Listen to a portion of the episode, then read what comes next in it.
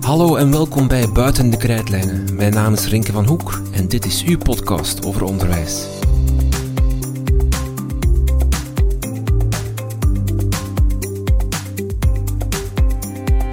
De Digisprong zorgt voor een digitale omslag binnen onderwijs.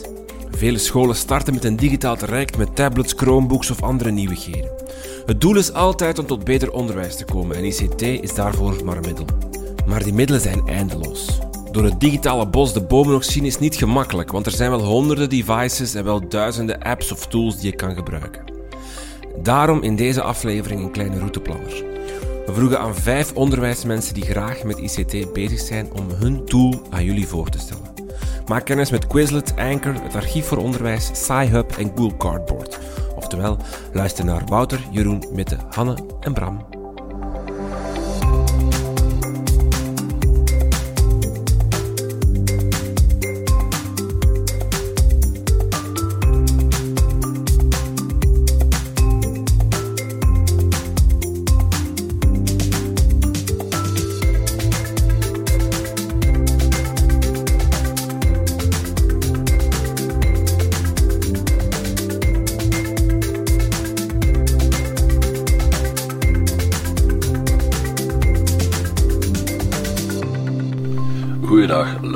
Uh, mijn naam is Wouter Bulens en ik ben gedurende 25 jaar uh, lesgever en pedagogisch ICT-coördinator geweest, maar ik ben nu sinds twee jaar onderzoeker aan het expertisecentrum voor effectief leren van de Thomas More Hogeschool. Ik mag me daar bezighouden met alles wat te maken heeft met het inzetten van educatieve technologie om leren en instructie te ondersteunen. De eerste reactie van een aantal mensen die mij een beetje kennen eh, zal ongetwijfeld zijn: Lap, daar heb je hem weer met zijn Quizlet, want dat is de tool waar ik het vandaag over wil hebben. Het is inderdaad zo dat Quizlet al sinds 2005 meegaat. De toepassing werd trouwens ontwikkeld door Andrew Sutherland. Uh, dat is een, of was een 15-jarige jongen uit Californië en van zijn lerares moest hij Franse woordjes leren en daarom uh, ontwikkelde hij de toepassing om hem daarbij te helpen. Waarom wil ik het evenzeer toch nog over deze uh, oud-gediende hebben? Wel, daar zijn uh, onder andere twee redenen voor. Ten eerste, uit onderzoek uh, blijkt dat educatieve technologie een meerwaarde is voor het leren als deze toepassingen een hefboom zijn voor zogenaamde effectieve leerstrategieën. En dat is nu precies wat Quizlet doet. En uh, het doet dat onder meer voor twee leerstrategieën waarvoor het meeste wetenschappelijke evidentie bestaat, namelijk het testen van zichzelf als leerstrategie en het spreiden van leermomenten. Alle leervormen van Quizlet zijn er immers op gericht om uh, actief informatie uit het geheugen op te halen. Of het nu gaat uh, over de leermodus flitskaarten of flashcards of de modus test, steeds zullen leerlingen zich termen of omschrijvingen moeten herinneren wat het onthouden op lange termijn ten goede komt. Hetzelfde geldt voor spreiding. Binnen één en dezelfde leersessie komen termen die goed gekend zijn met grotere tussenpozen aan bod. En daardoor wordt het steeds moeilijker om uh, zich deze te herinneren. En leerlingen krijgen daarnaast ook een overzicht met wat wanneer gestudeerd werd om zo gespreide oefening te stimuleren. Deze zogenaamde wenselijke moeilijkheden, die bemoeilijken weliswaar het presteren van het moment, maar ze bevorderen het onthouden op lange termijn. Dit wordt ook in de hand gewerkt doordat de moeilijkheidsgraad verhoogd wordt, bijvoorbeeld door opgaven stelselmatig meer onder de vorm van open vragen aan te bieden, in plaats van meer keuzevragen waar herkenning toch meer een rol speelt. Quizlet maakt het ook uh, eenvoudig om af te wisselen in oefentypes. Stel in de les Frans dat je leerlingen de vervoeging van de Franse regelmatige werkwoorden op RE, ER of IR in zekere mate geautomatiseerd hebben in afzonderlijke studiesets. Dan kan je deze afzonderlijke studiesets makkelijk combineren, zodat ze telkens opnieuw bewust moeten nadenken over de vervoeging van de verschillende werkwoorden. Dit is ook weer een wenselijke moeilijkheid die het leren ten goede komt. Daarnaast laat Quizlet ook toe te leren van woord en beeld. Volgens het multimedia-principe, dat is een principe wat uh, veelvuldig onderzocht werd door uh, Richard Meyer, leren mensen immers beter van een goede combinatie van zowel gesproken of geschreven tekst en illustraties, beelden of animaties. Quizlet laat toe bij bepaalde termen, om bijvoorbeeld uh, een woord in een vreemde taal, een afbeelding te plaatsen. Dit komt het onthouden ook weer ten goede. Maar er zijn ook diagrammen, ik vind dat zelf een uh, iets wat misleidende term voor hotspot-afbeeldingen. Uh, deze zijn uitstekend geschikt om bijvoorbeeld om een afbeelding van het hart bepaalde onderdelen te labelen, bijvoorbeeld een, een, een, klep of een voorkamer, waarna de leerlingen moeten verklaren aan zichzelf waarvoor dit onderdeel dient. Ten tweede is er voor leraren in mijn ogen nog steeds het gemak waarmee studiesets kunnen aangemaakt worden. Je geeft als leraar een reeks termen en omschrijvingen in, woorden en hun synoniemen of, vertalingen, definities en zo verder, en de toepassing doet eigenlijk de rest. Van deze studiesets worden automatisch flashcards gemaakt, maar ook toetsen of combinatie en, en sleepvragen, waarbij het, de, eh, de, juiste antwoorden op elkaar gesleept moeten worden. Uh, maar dit gebruiksgemak uh, zorgt nog voor iets belangrijks, namelijk dat je leerlingen zelf eigenlijk vrij makkelijk studiesets kan laten maken. Uit recent onderzoek blijkt dat leerlingen die flashcards zelf maken en vervolgens bestuderen, het geleerde beter onthouden dan wanneer ze de studiesets alleen maar bestuderen. Belangrijk hierbij is er misschien op te wijzen dat de totale tijd voor het maken en bestuderen even lang was als de tijd voor het bestuderen. Dus uh, het maken kostte in dit onderzoek niet meer tijd om betere effecten te halen. Waar Quizlet in eerste instantie een tool was om zelfstandig te oefenen, zijn er nu ook twee klassikale spelvormen.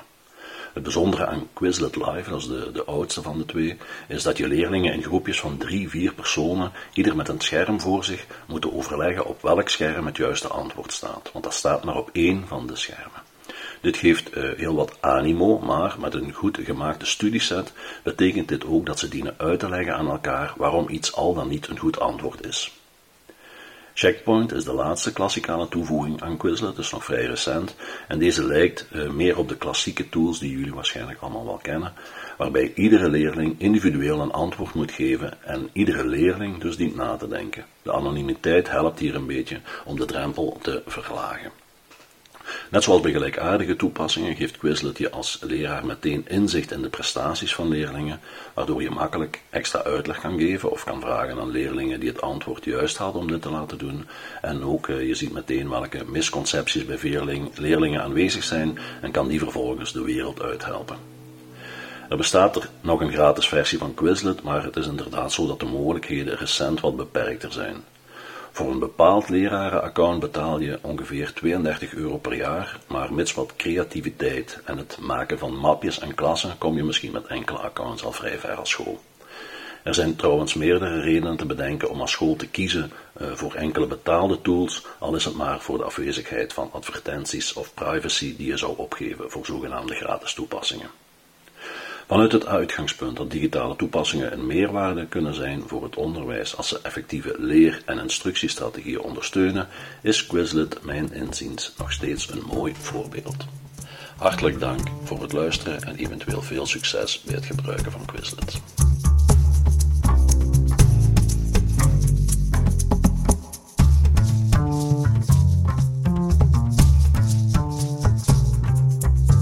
Hallo allemaal, ik ben Hanne Rosius. Ik ben lerarenopleider PAV of Project Algemene Vakken en dat aan PXL Education aan Hogeschool PXL in Hasselt. En ik tip jullie met heel veel plezier een tool waar ik ontzettend graag mee werk en dat is de tool Anchor. Moest mijn uitspraak Engels niet zo duidelijk tot in de huiskamer komen, ik bedoel dus anker, maar dan in het Engels. En Anchor is een heel eenvoudige app om podcasts mee te maken. Het draait in deze tool dus voor een keer niet om geschreven tekst en ook niet om foto's, filmpjes en andere visuele content, maar volledig om geluid, audio. Met Anchor kan je hele korte of langere audiofragmenten opnemen en je kan die eenvoudig bewerken of opleuken met jingles. Luister maar even.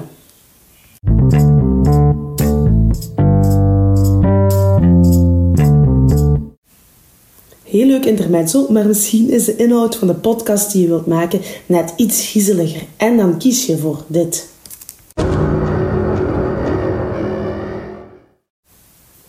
Of gaat het over iets vrolijks? Dan is het met één tik op de knop dit.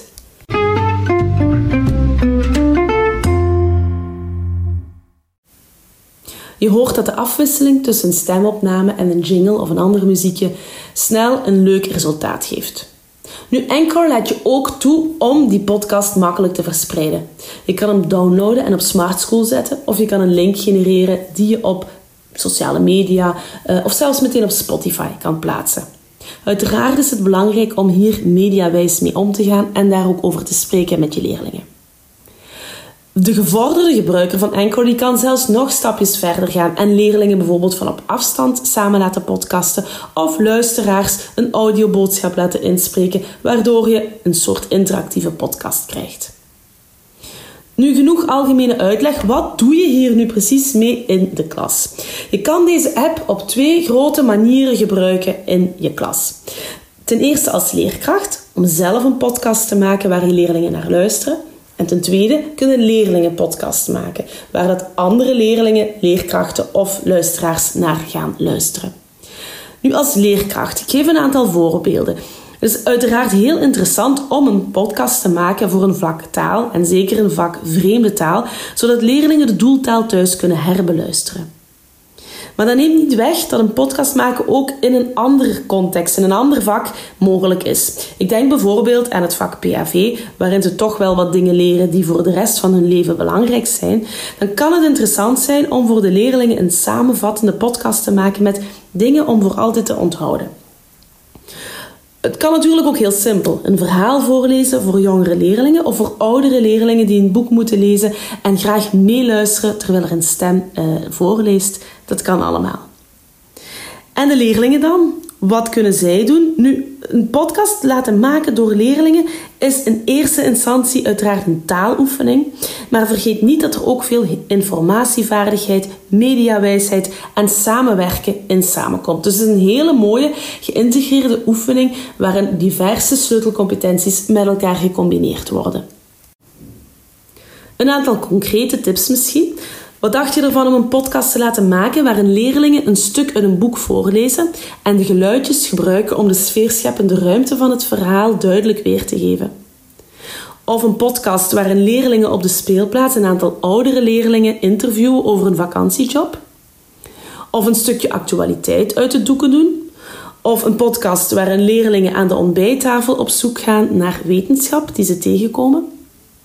Of je kan het ook gewoon inschakelen om te werken aan doelen op het vlak van leren leren, door leerlingen zelf een korte podcast te laten maken met de kern uit elk afgelopen hoofdstuk.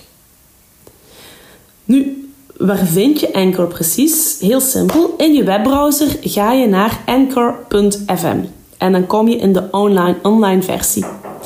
Nu werk je liever op mobiele devices, zoals smartphone of tablet, dan kan dat ook. Je vindt een heel handige app in de App Store of in de Google Play Store. En het beste nieuws komt nog: Anchor kan je gratis gebruiken. Ik wens je heel veel succes met het uittesten van deze heel veelzijdige tool. Tot ziens!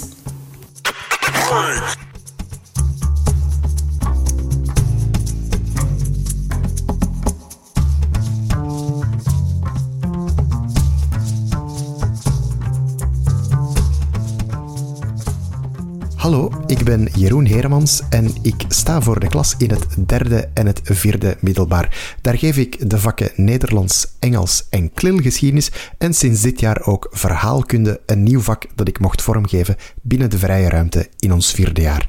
Ik ben hier vandaag omdat Rinke me vroeg om een tool voor te stellen en er kwam onmiddellijk iets bij me op, vooral omdat ik het eigenlijk heel vaak gebruik. En ik merk dat andere mensen het heel vaak niet gebruiken. Ik denk ook dat het vooral komt omdat mensen denken dat het een heel erg dure tool is, maar daarom ben ik hier nu. Ik ben hier om duidelijk te maken dat dat helemaal niet zo duur hoeft te zijn.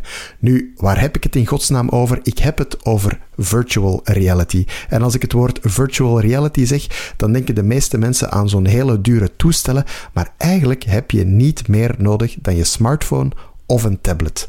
Als je het helemaal goed wil doen, dan heb je ook een budget VR-bril nodig. De Google Cardboard is misschien de bekendste, die redelijk snel online te vinden is. Maar in winkels zoals de Flying Tiger hebben ze ook nog wat duurzamere modellen die gemaakt zijn van plastic. En dat maakt het net iets handiger. In de show notes staat een link naar het modelletje waar ik het over heb. Nu, virtual reality, hoezo? Wel, je hebt, zoals ik zei, niet meer nodig dan je smartphone en een app zoals die van YouTube. YouTube is een heel toegankelijke app, maar er zijn heel weinig mensen die weten dat als je de zoekterm 360 video toevoegt aan je zoekterm in YouTube, dat je eigenlijk een filmpje krijgt waarin je kan rondkijken. Als je dat zou openen op een computer, dan kan je met je muis rondkijken, maar als je dat filmpje opent in de YouTube-app, zoals ik zei, dan kan je met je telefoon bewegen en dan lijkt het alsof je aan het rondkijken bent in die uh, video.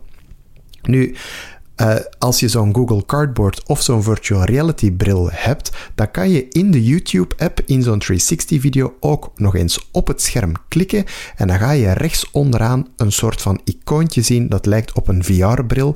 Als je daarop klikt, dan ga je plots twee keer hetzelfde beeld zien. Maar waarvoor dient dat nu? Wel, als je dan je smartphone in zo'n Google Cardboard of zo'n plastic VR-bril legt, dan kan je echt een bril opzetten en lijkt het alsof je in de wereld gezogen wordt. In de show notes heb ik ook drie voorbeelden uh, gezet, zodat je dat eens kan bekijken zonder dat je er zelf heel lang moet achter zoeken. Een eerste is bijvoorbeeld een korte documentaire van de New York Times over Ruby Bridges. Uh, het is in het Engels, het spijt me. Het internet leent zich nu eenmaal makkelijk tot Engelse voorbeelden. Er zit voor de collega's geschiedenis ook een 360-filmpje bij over rotstekeningen in de prehistorie. En voor de collega's esthetica bijvoorbeeld heb ik een korte documentaire van Google over de geschiedenis van de cinema. Zeker de moeite. En als je daar wat mee geëxperimenteerd hebt, dan moet je misschien ook eens de app Within gaan bekijken. Want in die app worden niet zomaar documentaires geplaatst, maar video's, echte films, die volledig gemaakt zijn om in 360 te bekijken. Het zijn vaak kortere films, maar het zijn dus wel degelijk films die echt bedoeld zijn om in virtual reality te gaan bekijken. En met zo'n Google Cardboard gaat dat heel handig. Dus, tip van de meester: open de YouTube-app. Voeg bij je zoekterm 360 video toe, speel de video af op je telefoon en beweeg met je telefoon en je gaat onmiddellijk zien wat ik bedoel. Zo, ik hoop dat ik je heel wat tips en heel wat nieuws bijgeleerd heb en dan zie ik u graag een volgende keer weer.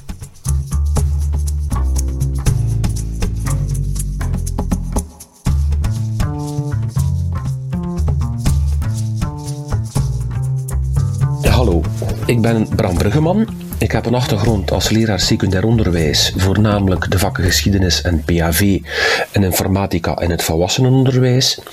Ik behaalde ook de voorbije vier jaar een doctoraat rond online en blended leren in het hoger onderwijs vanuit docentenperspectief.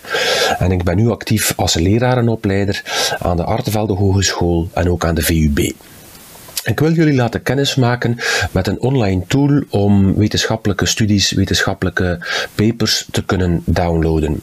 Een tool die mij al veel kopijn bespaard heeft en dat is SciHub. S-C-I-H-U-B. Deze tool heeft mij als onderzoeker natuurlijk veel geholpen, maar ik vind ook dat je zeker bijvoorbeeld als leraar secundair onderwijs enkele onderzoeksvaardigheden moet hebben. Een soort gezonde nieuwsgierigheid, zeg maar, voor wat de wetenschap zegt over jouw vakgebied, over jouw vakdidactiek, maar ook rond algemene onderwerpen zoals intrinsieke motivatie bij leerlingen, de zelfdeterminatietheorie, leesmotivatie, wat, zegt, uh, wat, wat is kwalitatieve instructie en zo verder. En dan zoek ik vaak in Google Scholar naar artikels over onderwijs. Dat is dus een eerste tip uh, om scholar.google.be te gaan gebruiken, omdat dat heel handig is, uh, omdat die zoekopdracht enkel dan in wetenschappelijke tijdschriften en zo plaatsvindt. Het is ook handig om meteen een APA-referentie meteen bij de hand te hebben.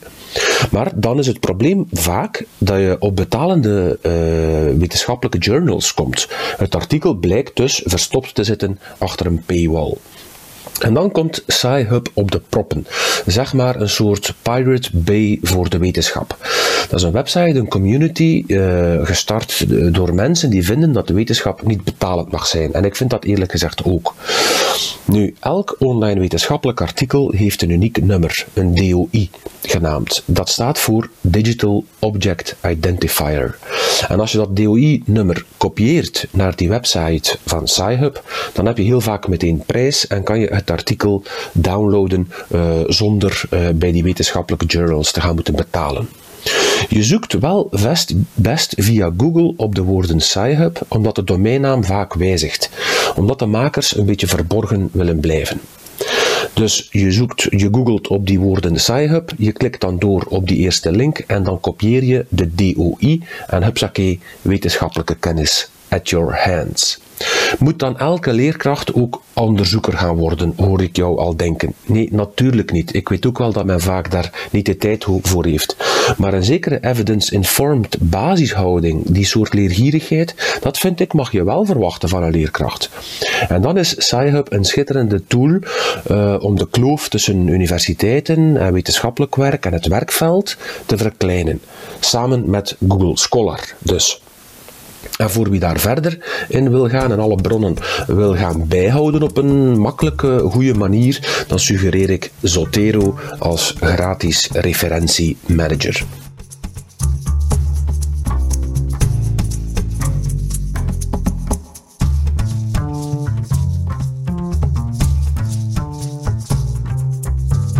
Hallo, mijn naam is uh, Miete Schroeven. Ik ben uh, meer dan 15 jaar leerkracht Nederlands en Engels geweest.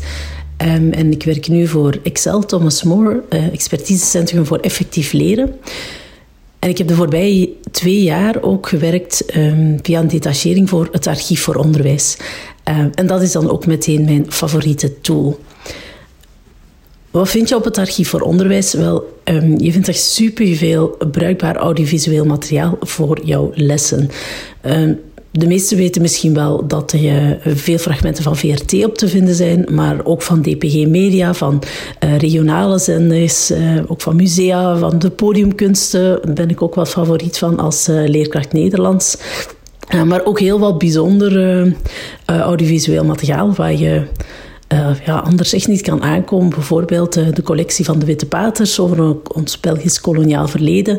Um, het is best wel een heel, uh, heel divers aanbod. Uh, wat kan je op het archief voor onderwijs dat je bijvoorbeeld niet kan op YouTube? Uh, dat is zoeken op vak. Hè. Je kan gaan zoeken van ik geef, ik geef biologie, wat, wat heb je allemaal dat voor mijn vak bruikbaar is. En het tweede grote voorbeeld is natuurlijk dat de filmpjes niet zomaar verdwijnen. Hè. Iets wat je mm, wat ik nog wel eens aan de hand heb als ik audiovisueel materiaal van andere platformen gebruik. Um, die URL's zijn vaak niet duurzaam, dus je hebt dan eh, linkjes in je cursus die plots uh, niet meer werken. Uh, op het archief voor onderwijs blijven die filmpjes daar altijd staan. Um, je hebt ook heel wat kant-en-klare collecties die echt gemaakt worden voor en door leerkrachten, um, worden, waar, waar fragmenten geselecteerd wordt op basis van, van eindtermen en leerplandoelen, en die je kant-en-klaar materiaal om, om in je eigen lessen in te zetten. Wat ik heel interessant vind aan het Archief voor Onderwijs ook, is dat er uh, sinds uh, twee jaar nu ook leerlingen secundair op het Archief voor Onderwijs kunnen. En je kan dus als leerkracht een opdracht maken. Een, dat kan een kijken-luisteren opdracht zijn.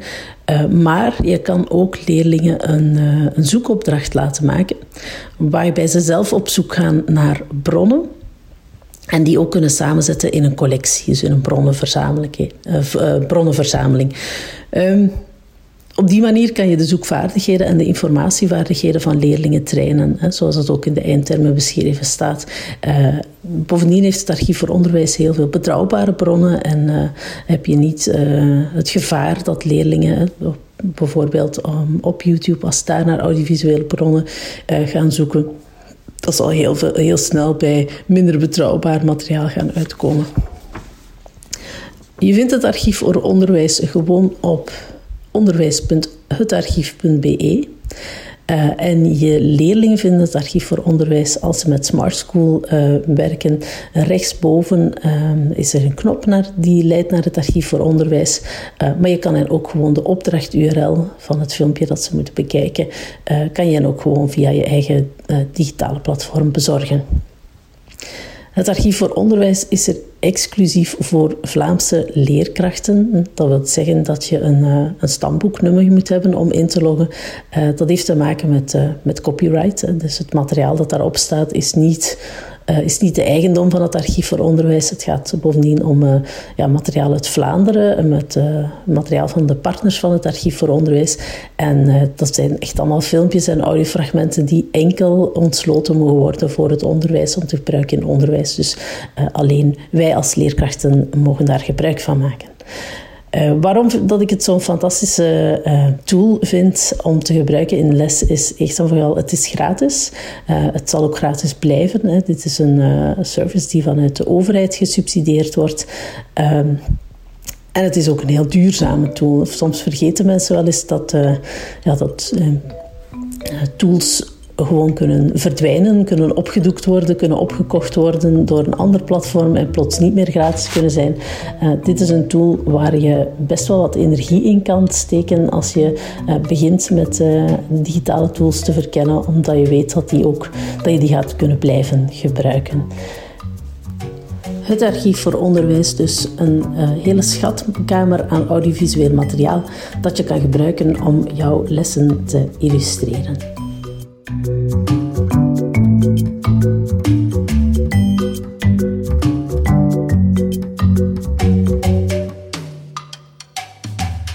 Dit was het dan weer voor deze aflevering. Alle links naar de apps en tools die voorgesteld werden vind je in de show notes van deze podcast. Ga ermee aan de slag en laat ons weten hoe het ging. Je vindt ze op Twitter, Facebook of Instagram. Dank voor het luisteren en tot de volgende.